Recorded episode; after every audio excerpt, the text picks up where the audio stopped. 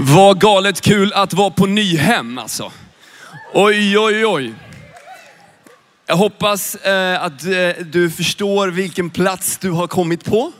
Det här är en underbar plats. Jag har varit här nästan varenda år sedan jag föddes. Ja, det är det. Det är några gånger. Ja, ja, in, det enda jag är lite ledsen över det var att det fanns en kulgrop som låg typ här. Jag kan säga, där var jag kung alltså.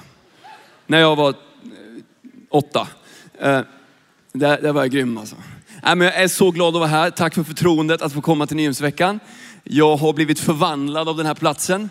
Mina föräldrar tog mig hit och, och, jag har mött Gud här. Jag har sett Gud göra helande här. Jag har fått massa liksom, du vet, gudsmöten som har förändrat mitt liv. Så jag är så glad att få vara här. Och om du liksom är första gången du är här och du kanske är här för att du visste att liksom det är snygga pingstvänner här. Så, så, så, varmt välkommen, jättekul att du är här. Vi tycker om att du är här, vi tycker om att du tycker vi är snygga och ja, det är fantastiskt. Så det är bra. Uh, till vardags så jobbar jag i en kyrka som ligger i Stockholm, Södertörnskyrkan, ligger lite söder om Stockholm. Jag heter Josef Barkenbom, jag är 32 år gammal och har haft förmånen att predika i ungefär 10 år och jobbat med ungdomar i, i sådär tio år. Jobbat i Pingstkyrkan i Jönköping. Har vi lite folk här från Jönköping? Jajamän, och, och, och så Västerås har vi också några härifrån. Och, och, och nu är jag i huvudstaden. Så det är härligt.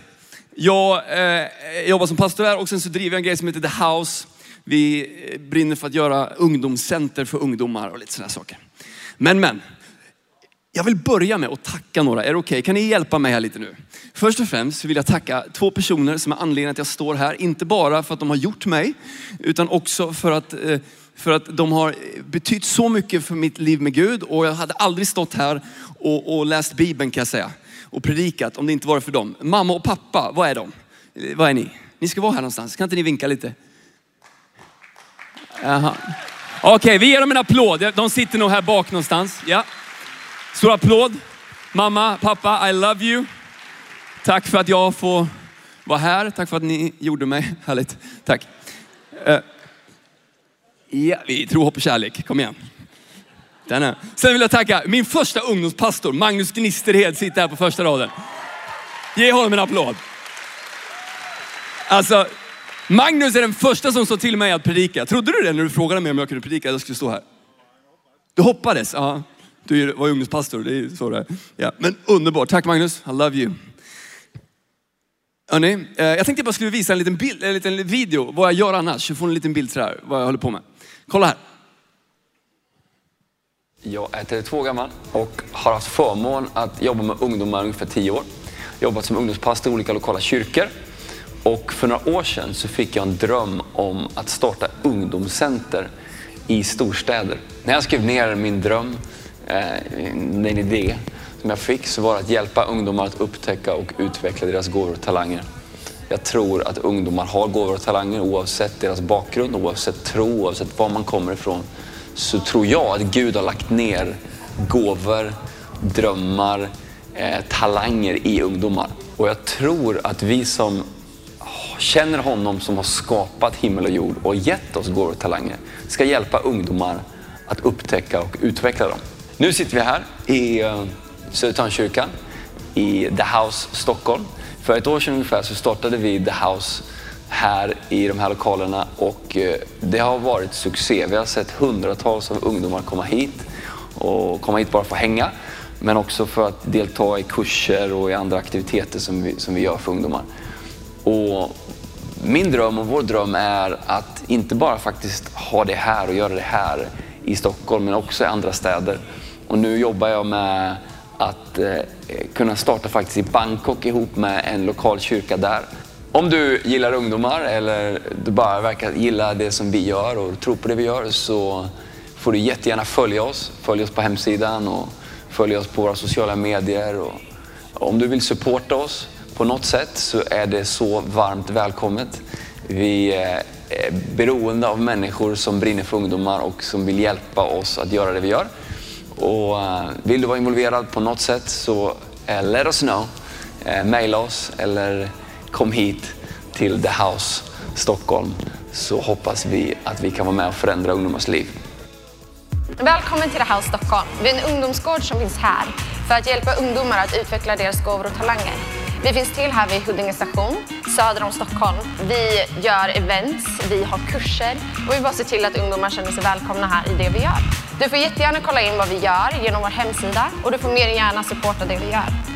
Och är du mellan 13 och 19 år så är du otroligt välkommen att hälsa på oss här på The House i Stockholm.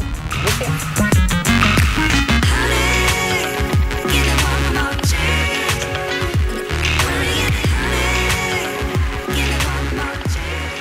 Yes, det är lite vad jag håller på med annars. Hörrni, har ni med i Bibeln?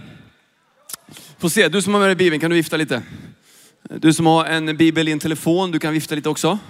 Bra, härligt, härligt, härligt. Hörrni, ska vi inte snapchatta lite innan vi börjar? Det är kul. Jag, mina ungdomar, jag sa det så här, alltså, de håller på med kik. Håller ni på med kik? Nej, jag tänkte så här, det är ju riktigt så här tonåring att hålla på med kick eller vad det heter, kik eller så här. Så de bara, du då? Snapchat? Så här. Ja, ja, jag försöker i alla fall. Eh, så kan vi inte snapchatta så här, typ om alla skriver, nu börjar Nyhem. Om ni alla tar upp en telefon och så skriver ni nu börjar Nyhem, då kommer alla era kompisar få det på sin live att nu börjar Nyhem. Så det betyder att de kommer komma hit kanske, vem vet? Har du uppe Snapchat? Nej, okej, okay. du som inte har det, get a life. Nej, jag skojar bara. Magnus, har du Snapchat? Min mamma har Snapchat. Morsan, du är bäst. Love you.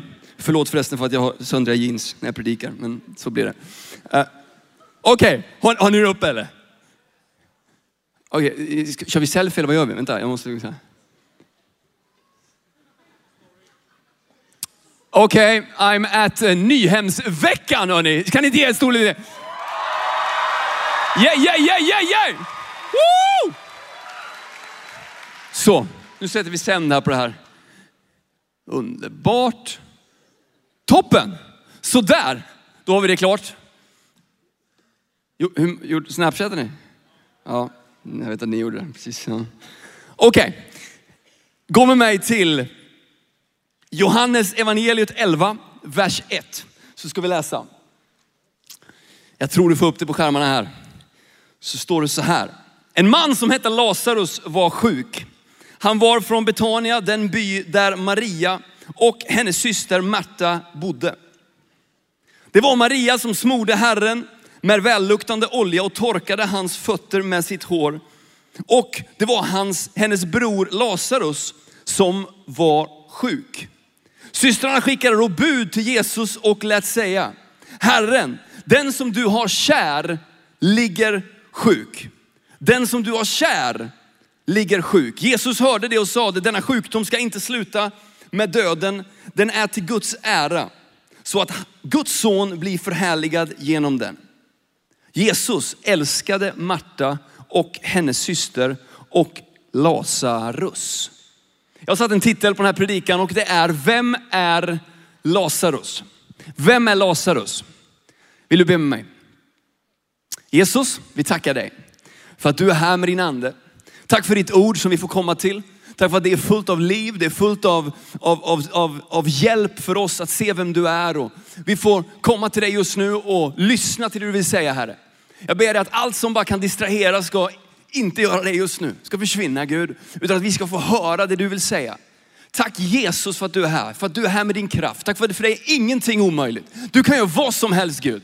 Du har skapat himmel och jord och du kan göra vad som helst Herre. Tack för att ingen sjukdom är för svår för dig Herre. Jag tackar dig för det i Jesu Kristi namn. Och så ber vi Herre, normalt sett så ber jag för Djurgården, men, men nu så ber vi för Sverige. Eller hur? För vi ber att vi ska vinna EM i Jesu namn. Man slänger in bra bönämnen och sådär. Det får man göra. Vem är Lazarus? Är du Lazarus? Eller är Lazarus din bror? Jag vet inte vad du kom hit med, var du kommer ifrån, om du kommer från ett kristet sammanhang eller inte. Men eh, oavsett vad du kom hit med så, så, så vet jag att Gud vill hjälpa oss. Gud vill att vi ska ha liv och liv i överflöd. Gud är här för att han vill tala till dig och hjälpa dig att faktiskt gå frisk genom livet, älska livet. Inte bara frisk alltså utifrån att du inte ska ha liksom snuva och, och ha en sjukdom, utan att din relation till honom är frisk, att din relation till honom är bra. Det tror jag Gud vill. Den här storyn handlar ju om tre personer. Tre personer som var ganska nära Jesus. Man ska säga att de var väldigt nära Jesus. De var inte hans lärjungar, men de fanns liksom in the hangarounds of Jesus. Och de visste en sak och det var att Jesus älskar oss. Det visste de.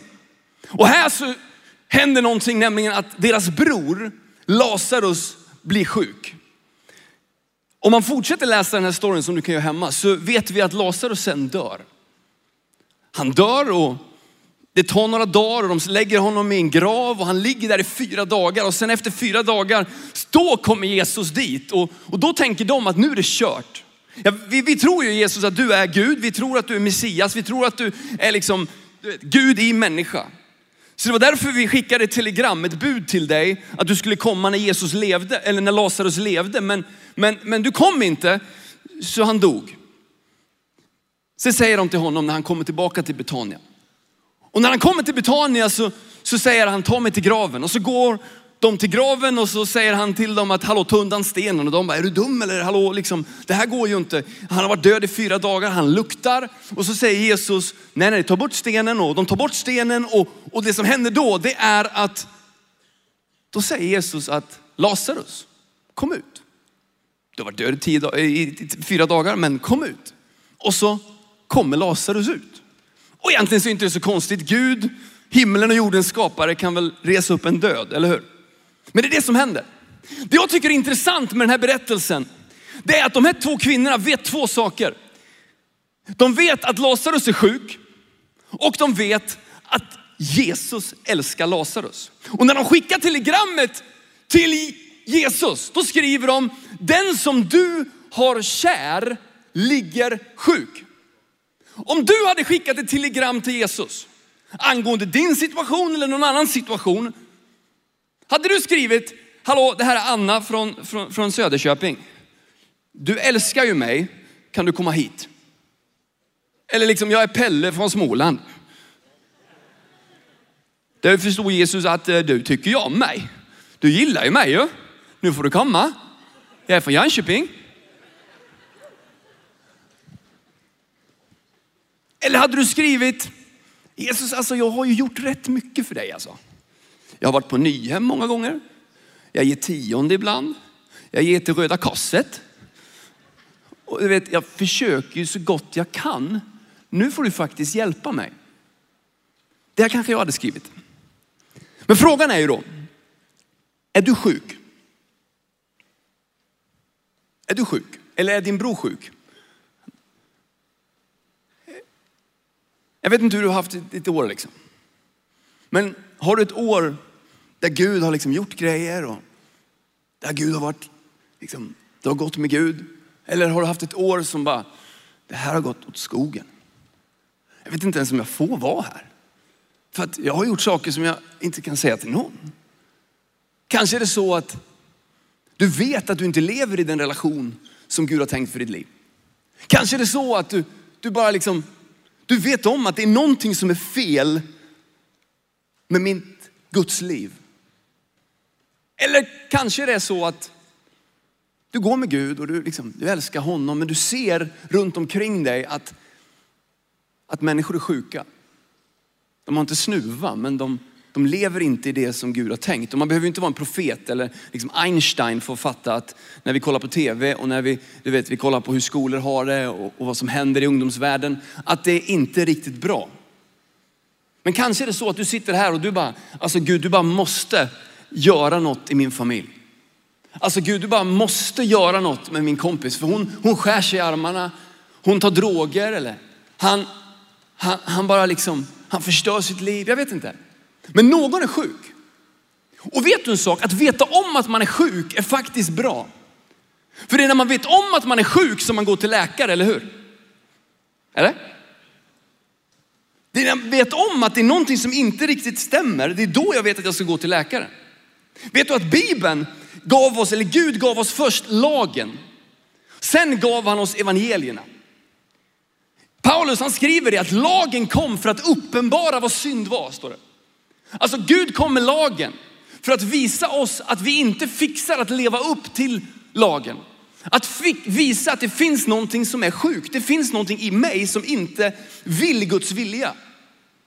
Det kom lagen för. Men sen så kom nåden. Sen kom evangelierna. Sen kom Jesus för att visa oss vad nåd är och vad hans kärlek är. Så det är bra att veta om att det inte riktigt är rätt, står rätt till. Eller? För det är ju Jesus, som Jesus säger, att det är de sjuka som behöver läkare, inte de friska. Paulus, han skriver faktiskt att jag är den största syndaren, skriver han.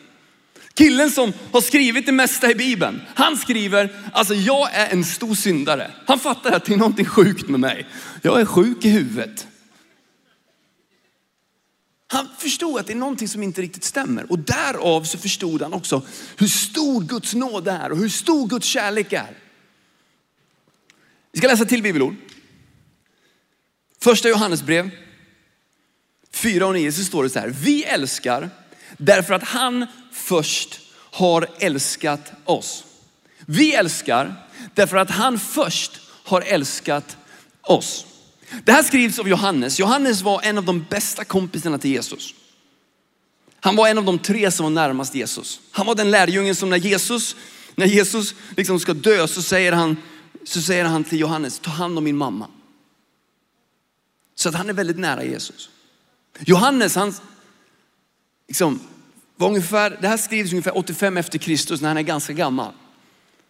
Så skriver han det här brevet och så skriver han, vi älskar, nej, därför att han först har älskat oss. Precis.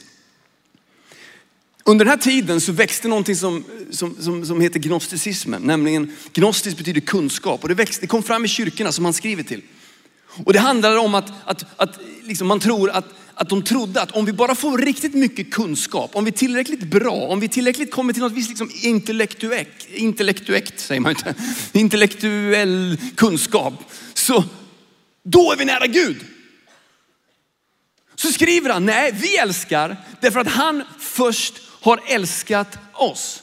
Han säger bottom line att vi kan göra det vi kan göra bygger på att Jesus har älskat oss. Inte att vi kommer till någon viss liksom intellektuell nivå, att vi är så jättebra och att vi ger på rätt sätt och att vi lovsjunger på rätt sätt och att vi, du vet, vi är med i rätt kyrka eller vad vi än är. Utan det som bygger på det är att han först har älskat oss.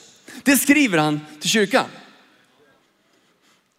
Så om vi förstår att vi är sjuka, men vi tror också definitivt, eller det absolut, så måste du och jag förstå hur mycket Gud älskar oss. Vad är Jesus kärlek? För det var det som Marta och Maria skrev och det var det som gjorde, eller det var det som gjorde att Jesus sen kom och så hände det någonting. Och han skriver här, han skriver det därför vi älskar därför att han först har älskat oss. Men du vet, om jag skulle få skriva Bibeln, Barkenbom evangeliet här. Då kanske det skulle stått så här, jag vet inte, kolla här. Jag älskar därför att, Eh, därför att jag älskar Jesus. Alltså jag är en snäll kristen, jag är god för att jag älskar Jesus. Eller nästa, vi kollar nästa här. Liksom. Jag älskar därför att vår kyrka har ett rätt bra koncept. Alltså jag lyckas vara en kristen, det är jättebra för att jag har fixat det liksom. Jag har en bra koncept. Nästa. Jag älskar därför att jag ber ganska mycket om man jämför med alla andra. Eller nästa. Jag är ändå en duktig kristen därför att jag har ju ett fadderbarn. Eller, jag älskar därför att jag känner för det. Ibland. Nej, utan vi älskar därför att han först har älskat oss. Kan jag få ett amen på det? Amen. Ni vet att jag predikar mycket bättre om ni säger amen eller något sånt här. Va? Jag predikar väldigt, jag kortar också. Om du är liksom så glad och så här, och så här, oh, ja det här är bra. Liksom. Du kan fejka det helt lugnt. Jag predikar bättre. Och kortare, du får snabbare kaffe. Du kan säga så här, det där är till mig. Det kan du säga. Du kan också säga till din granne, det där är till dig. Det är helt okej okay också. Så, så go for det. Anyway, jag ska ge dig några grejer som jag tror Paulus, eller Johannes menar jag, ville säga här. Nummer ett. Jesus kärlek är först. Jesus kärlek är först. Eh, jag var med för några månader sedan. Så var jag med i ett tv-program som heter Tro, hopp och kärlek. Ironiskt nog. Jag vet, det var på SVT, så ni ungdomar, ni kanske inte kollar på det. Men ni äldre, ja. Jag ser hur ni kollar på tunnelbanan, jag vet. Det var ett tv-program som var på SVT och sådär. Va? Och, och, och det handlar ju om att, att, att pastorer och präster, de viger människor, de pratar om kärlek, men hur gör de själva? Och de ringde mig och så bara, hej, vi har hört att du är ung, och karismatisk och singel. Eh, karismatisk pastor och singel. Eh, liksom, eh, stämmer det? Jag bara, ja, just det. Ja, men det är det så här. Ja. Kan vi få träffa dig? Och så träffar jag dem och sådär. Och, sådär. och, och vet, när det kommer till så här kärlek och, och relationer och sådär, så vill vi ju alla att det ändå ska hända något där, eller hur?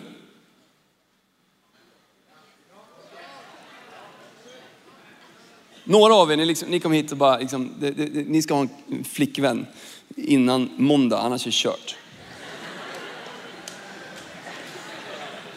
Jag kommer ihåg när jag gick här och, och, och jag var 13 år gammal och jag sa till min kom, bästa kompis Joel så här, Joel, nu ska vi ragga brudar. Så, så här.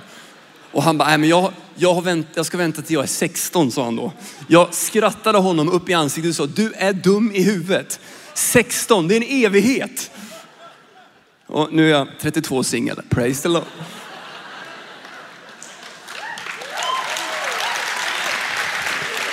Men jag tänkte att jag skulle ge dig lite datingtips. Eh, jag vet att jag kanske inte borde göra det eftersom jag nu är 32 singel och till och med försökt i tv och det funkar inte. Så. Men jag ska tala lite till er grabbar. Och ni tjejer, eh, ni kommer tacka mig sen. Men jag svarar inte på e-mail så det är ingen idé. Okej. Okay. Men du vet, vi vill att något ska hända. Eller hur?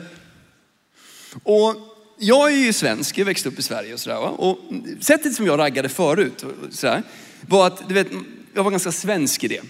För när jag såg en tjej som jag gillade, då försökte jag ju kolla lite mer på henne sådär. What's så. How you doing? Nej, det sa jag inte.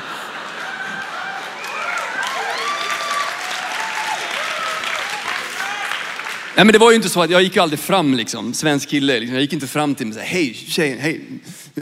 Tjena, Jag, jag har tappat bort mitt nummer, kan jag få ditt? Liksom. Det var inte så jag sa det. Jag gick inte fram så här, gjorde det ont när du föll från himlen? Så här, alltså, jag gick inte ens fram och sa hej. Utan jag kollade. Och sen så försökte jag prata med hennes kompisar och se om hon kanske liksom, intresserar sig tillbaka. Om jag kanske ser någon blick sådär. Och så, och så, och så var jag lite så att jag, jag, jag liksom ville inte ta ett steg. För tänk om, om jag inte trodde att hon faktiskt tyckte om mig tillbaka, då gjorde jag ingenting åt det. Utan jag ville liksom så här få en bekräftelse sådär. Jag vet, det är helt fel. Sorry, men så här gjorde jag. Okej? Men, men så, och, och, sen klart, ibland så bjöd jag ut någon. Jag kanske liksom, du vet, så här, I värsta fall gick man ju till Facebook och så bara, tjena. Men, men, men det var inte så att jag riktigt så här, vet, tog ett initiativ, utan jag tyckte lika med att tjejen kan ta initiativet. Tjejen kan vara först lika mycket som killen kan vara först. Så flyttade jag till USA när jag var, var det, 27 år gammal. Innan det, det, hade funkat, liksom. det funkar ju. Jag menar, vi, vi anpassar oss. Liksom. Svensk kultur, jag kollar, hon kollar på mig, så okay, okej, så, så närmar vi oss och så, och så till slut så, så, så det funkar lite sådär. Men jag åkte ändå till USA och var singel. okej? Så när jag kommer till USA och är singel, då gör jag samma grej. Jag är liksom så här, du vet, kollar och så, nej, jag får inte riktigt tillbaka och sådär. Och så var jag i, i New York för att hälsa på en kompis där och så såg jag en vacker dam. Oj, oj, hon var snygg alltså. Och jag bara, nu ska jag bjuda ut henne. Sådär. Och, så jag gjorde ju som jag är svensk. Jag, jag försökte kolla på henne, jag tyckte att hon kollade lite tillbaka sådär. Och så, så smsade jag henne, för jag fick hennes nummer och sådär. Så jag smsade henne och skrev, hej ska du med på en konsert? Typ sådär. Och, och hon sa nej. Hon bara, nej jag kan inte. Sådär. Så jag gick till min kompis då som kände henne och så bara, hallå hon vill ju inte liksom. Det här kommer inte, ingenting kommer hända. Och hon bara, men Josef sluta vara så himla svensk. Så. Du måste fråga ut henne liksom på riktigt. Ask her out properly. Och jag bara, men jag har ju precis gjort det. Jag har ju liksom kollat på henne, jag har så här, försökt. Så här, jag, har, jag har liksom sagt, hej, kan vi inte, ska vi liksom dra till kyrkan? Frågade om vi skulle gå till en kyrka, en svart kyrka. Anyway. Så, men hon sa nej, så jag tänkte att, så jag tänkte så här, nej det här går inte. Ingenting kommer hända. Då säger min kompis till mig, nej men Josef, du måste, du måste ta initiativet. För om inte du tar initiativet så kommer hon inte göra det. Det är så det funkar här. Sluta vara så svensk. Och det är det här jag vill säga till er killar då. Ni måste ta initiativet oavsett om hon är svensk eller inte. Tjejer är tjejer. Jag tror de flesta vill att ni tar initiativet. Eller hur tjejer? Kan jag få ett amen på det? Mm. Så jag gjorde ju det. Så jag sa okej. Okay. Eh, jag bjöd ut henne och, och hon blev faktiskt sen min flickvän. Så någonting hände. Sen tog det slut av andra anledningar, men whatever. Men du förstår att jag var tvungen att anpassa mig över att förstå att jag var tvungen att ta initiativet. Som kristen så måste du förstå att du har aldrig tagit initiativet till din gudsrelation. Det är inte så att du kom till Gud och sa, du vet, hallå, nu vill jag ha dig. Det är inte så. Utan för att du ska få Guds relationen att funka så behöver du förstå att Gud har tagit initiativet. Och Gud tar hela tiden initiativet. Han bjuder hela tiden ut dig. Därför att han älskar dig, han är för dig. Han vill inget hellre än att du ska leva tillsammans med honom.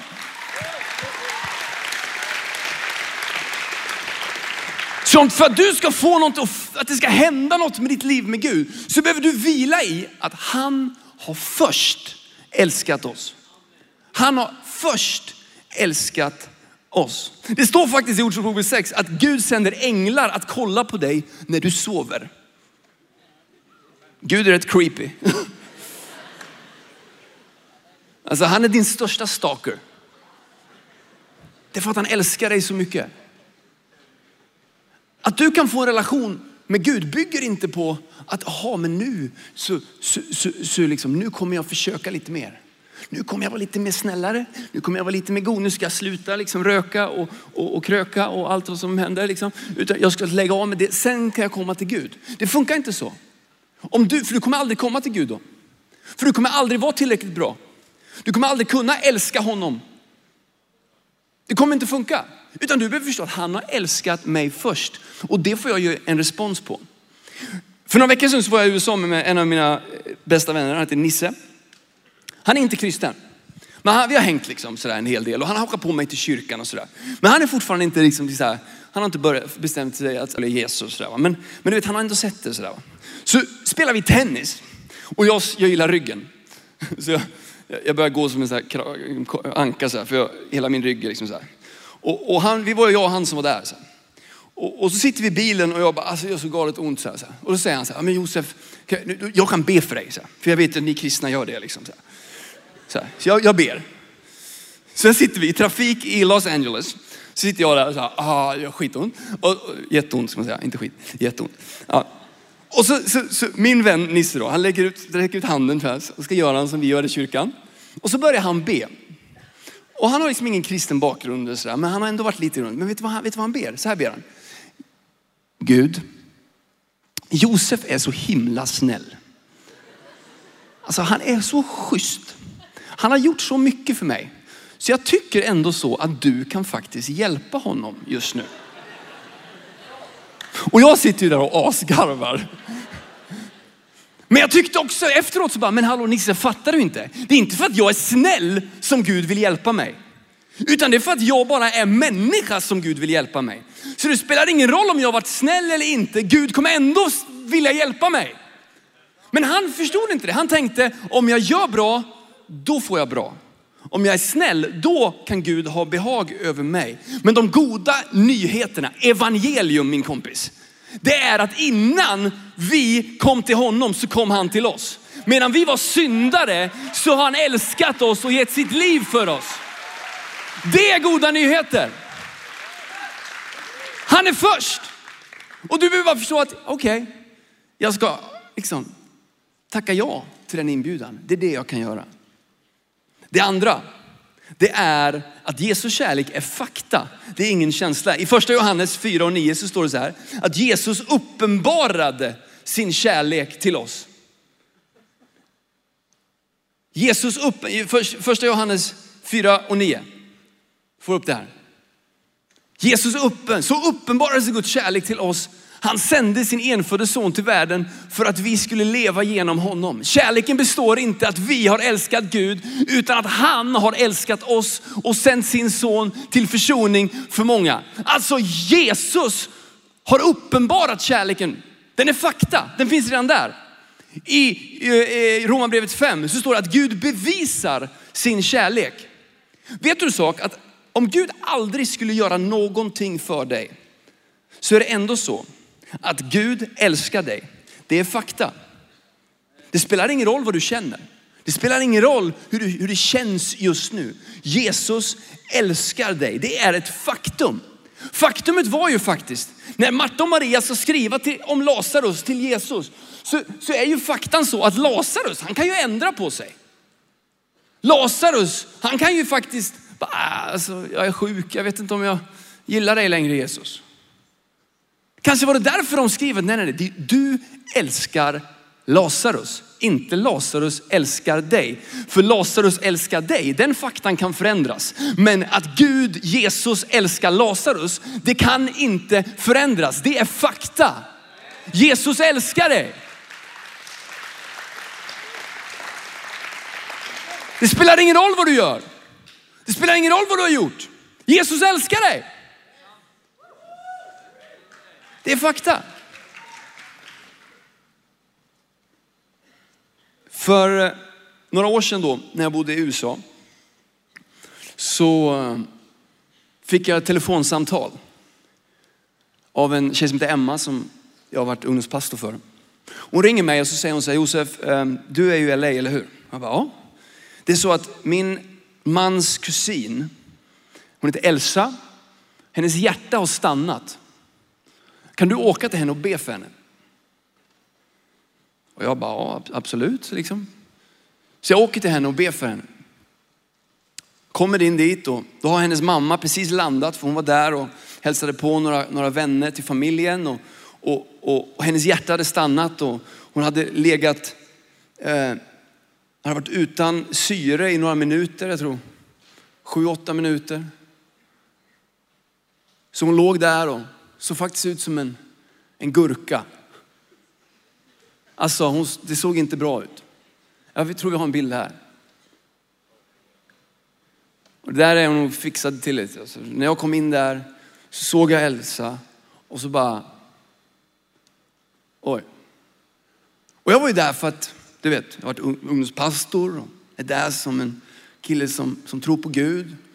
Och träffar hennes mamma och Mamma är förstörd, liksom. jag vet inte om, hennes, om hennes, vad som kommer hända med hennes dotter. Läkarna tror, folk tror att hon kommer ha men för hela livet och att hon kanske liksom, förmodligen kommer dö. Så jag sätter mig där och, och så ska vi be. Jag känner inte de här. Så det ser jag Elsa och så ska jag be. Så vet jag hur jag tänker när jag ber. För jag tänker så här, det här kommer, det här kommer inte gå bra. Men så så, nej, men det jag ska göra är, jag ska bara be ut den fakta jag vet. Att Jesus älskar henne, att Jesus är för henne, att Jesus vill att hon ska leva, att hon är här för ett syfte. Så när jag sätter mig där så börjar jag be, så ber jag, Gud, jag tackar dig för att du älskar Elsa. Jag tackar dig för att, för att du vill att hon ska bli frisk, för att du har tagit hennes sjukdom på korset. I Jesu namn, bli frisk. Liksom. Och jag vet hur jag bestämde mig för när jag sitter där, att jag ska be den fakta, det jag vet Bibeln säger, inte vad jag känner och inte vad jag ser just nu. Jag ska be det. Så gör jag det. Och vet du att samtidigt, för tre år sedan, på fredagskvällens nattmöte på Nyhem, så berättar de om det här, för det hände precis under den här tiden. Så ber Nyhemsveckans ungdomskonferens på fredagskvällen för Elsa. Och det går några veckor, det händer mycket. Men vet du att mirakel sker och idag så sitter hon här.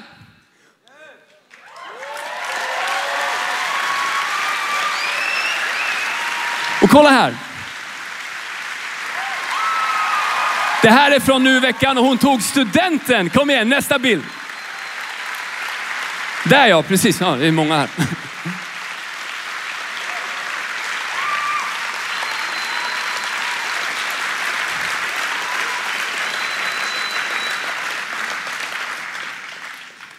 Det var massa som bad och, och det är en lång story om hur Gud verkligen gjorde ett under. Läkarna var helt förundrade. Och många bad. Men det här slog mig när jag förberedde mig för det här. Att jag som kristen, för att älska så som han har älskat, för att leva det liv som han har tänkt för mig, så måste jag gå tillbaka. Vad är faktan om vem Gud är och vem Jesus är och vad han har gjort? Inte vad jag känner hela tiden. Vi lever i ett samhälle som säger bara, gör vad du känner.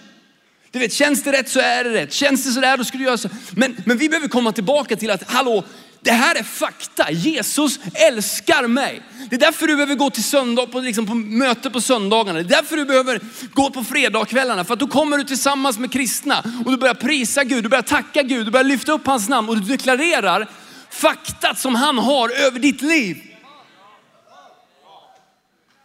Men vi ibland, vi bara levs av känslor. Och bara, jag känner inte för det idag. Vi får se. Men du vet, vi ska leva av tro, inte av känslor. Jag ska läsa ett bibelord här. I Romarbrevet 8 så står det så här, vem kan skilja oss från Guds kärlek? Med detta vinner vi en övervinnande seger genom honom som har älskat oss.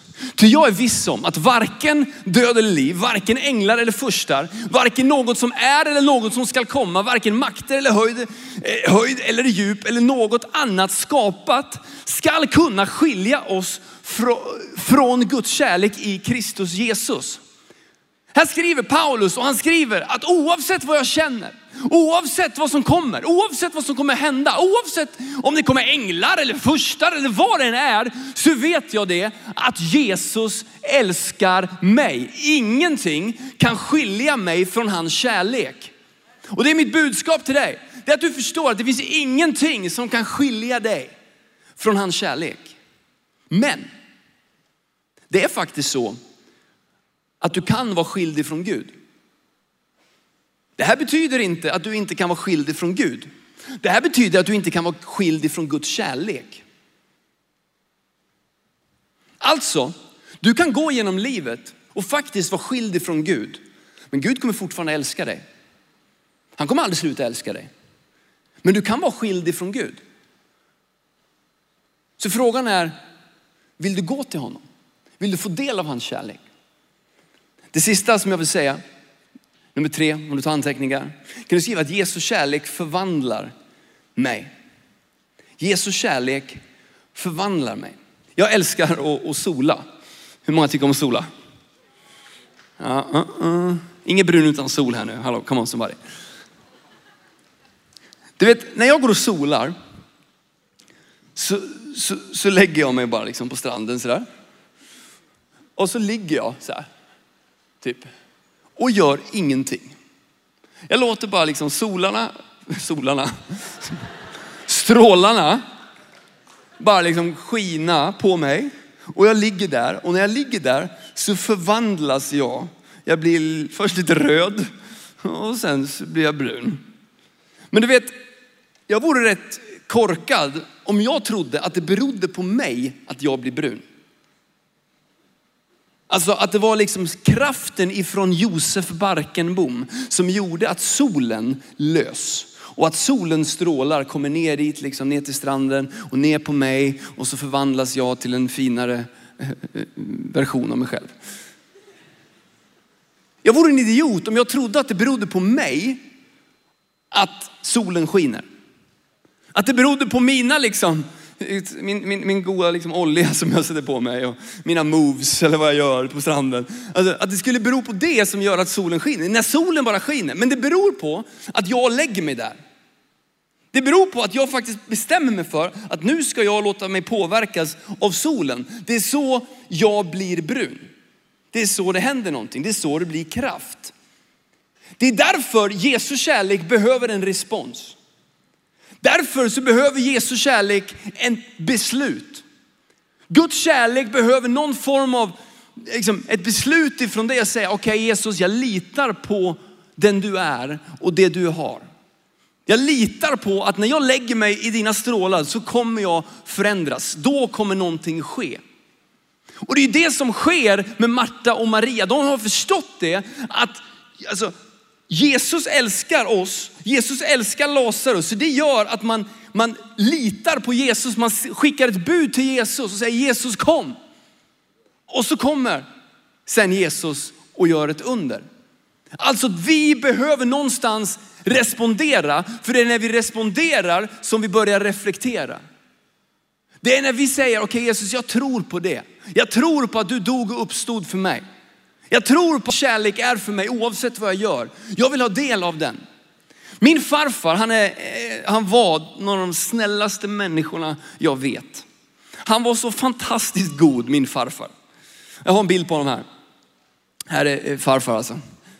Här, kolla här. Här sitter han.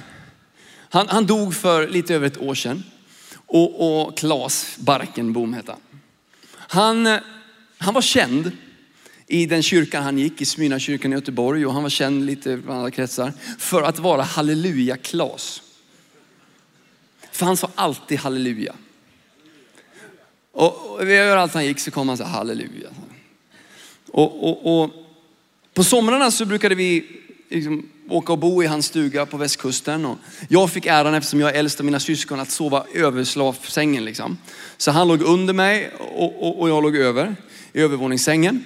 Och, och, och, när vi liksom gick där och började liksom, eh, du vet, ska sova och så börjar man sova och sådär. Så vaknade jag ibland mitt i natten av, då vaknade jag och så hörde jag halleluja, pris och lov och ära.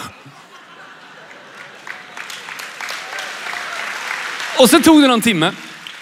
Så hörde jag en, orrabba, Gud är ju fantastisk, pris och lov och ära, halleluja. Så här, och ett hus skakade typ så här. Han hade bestämt sig för att oavsett vad som händer i hans liv så ska han alltid säga halleluja, tack och lov och pris som han sa. Han hade bestämt sig för att jag ska tacka Jesus genom mitt liv. Och jag tror inte att han blev så god och snäll att det var liksom Guds lott för hans liv och liksom, nu skapar jag dig bra, nu skapar jag dig så att du kan älska andra människor. Jag tror inte det berodde på det. Utan jag tror det berodde på att han hade bestämt sig för att jag ska tacka Jesus i mitt liv. Jag ska lita på Jesus i mitt liv. Och därför så sa han halleluja hela tiden. Därför så sa han tack och lov och pris hela tiden. Och när han gjorde det så förvandlade det honom.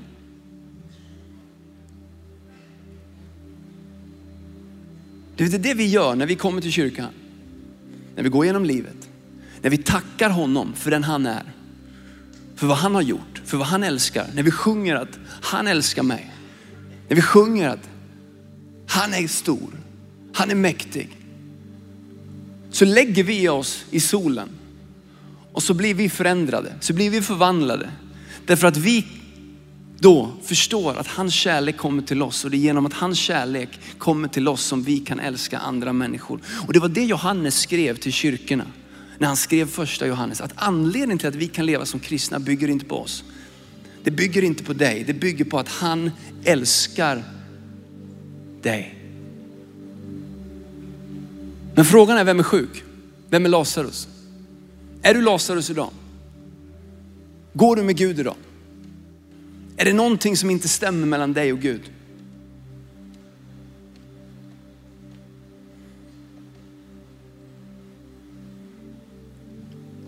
Det står så här, första Johannes 4 och 14. Vi har sett och vittnar om att Fadern har sänt sin son som världens frälsare. Den som bekänner att Jesus är Guds son, i honom förblir Gud och han själv förblir i Gud. Och vi har lärt känna den kärleken som Gud har till oss och tror på den. Ska vi ställa oss upp? Här säger Johannes att vi har vittnat om det. Han var ett av vittnena som hade sett Jesus. Men så säger han här, och det här som jag tycker är så intressant. Den som bekänner att Jesus är Guds son, i honom förblir Gud. Sen står det att då får vi lära känna kärleken som kommer. Då får vi lära känna kärleken ifrån Gud. Medan alla bara blundar så vill jag fråga om du finns här idag som behöver bekänna att Gud har sänt Jesus Kristus. Att Jesus Kristus är Guds son. Oavsett vad du har gjort innan i livet, oavsett vad som har hänt, oavsett hur mycket du tror du har syndat. Om du bekänner att Jesus är Guds son, det kommer leda till att du får lära känna Gud.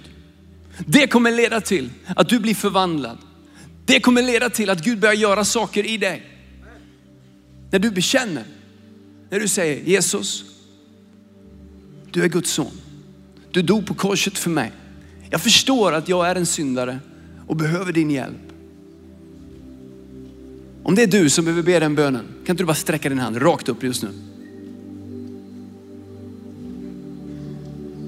Många, många sträcker sig just nu.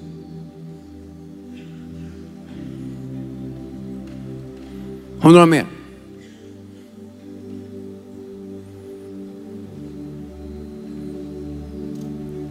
Håll den uppe.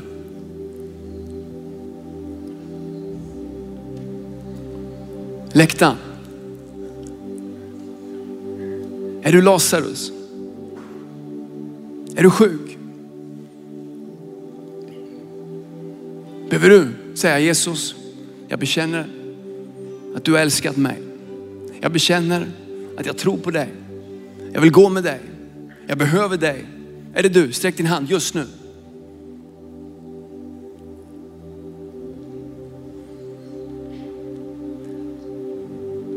Du finns här som behöver bara ta ett nytt beslut och leva för Jesus. Du kanske har gjort det många gånger innan, men det underbara med Guds nåd är att du kan göra det många gånger igen. Och du kan göra det här just nu. Sen vill inte Gud att du hela tiden bara går fram och tillbaka, men han vill att du tar ett beslut och du kan göra det precis just nu. Du kanske är här och du har aldrig tagit ett sånt här beslut. Du vet inte ens om du liksom köper hela grejen, men, men du vet inte liksom, äh, men du vet bara, ja men Jesus, ja, men jag tror att han älskar mig. Bra, det är du. Sträng upp din hand.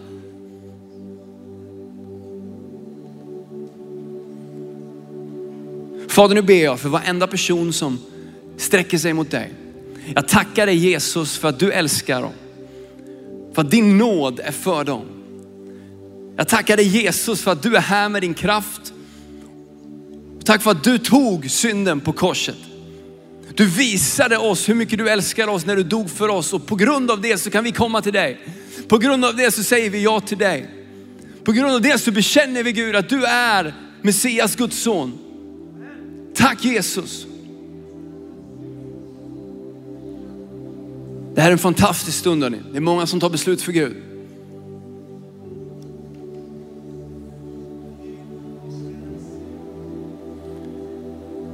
Vi ska göra så nu under nästa lovsång. Jag vill utmana er, ni som tog det här beslutet, att komma fram hit och ställa er. När du visar, okej okay, Jesus, nu ska jag gå för dig. Nu ska jag stå för dig. Nu ska jag leva för dig. Jag ska bekänna att du är Guds son.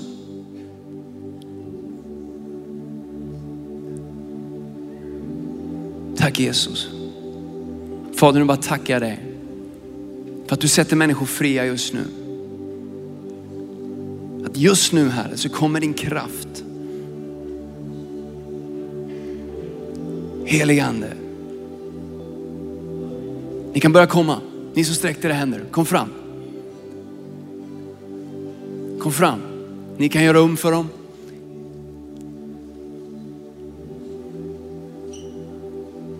Yes, underbart.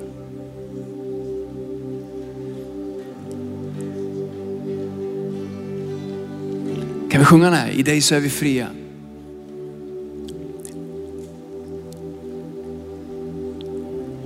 Underbart. Så ska vi ge dem en stor applåd, de som kommer. Kom igen.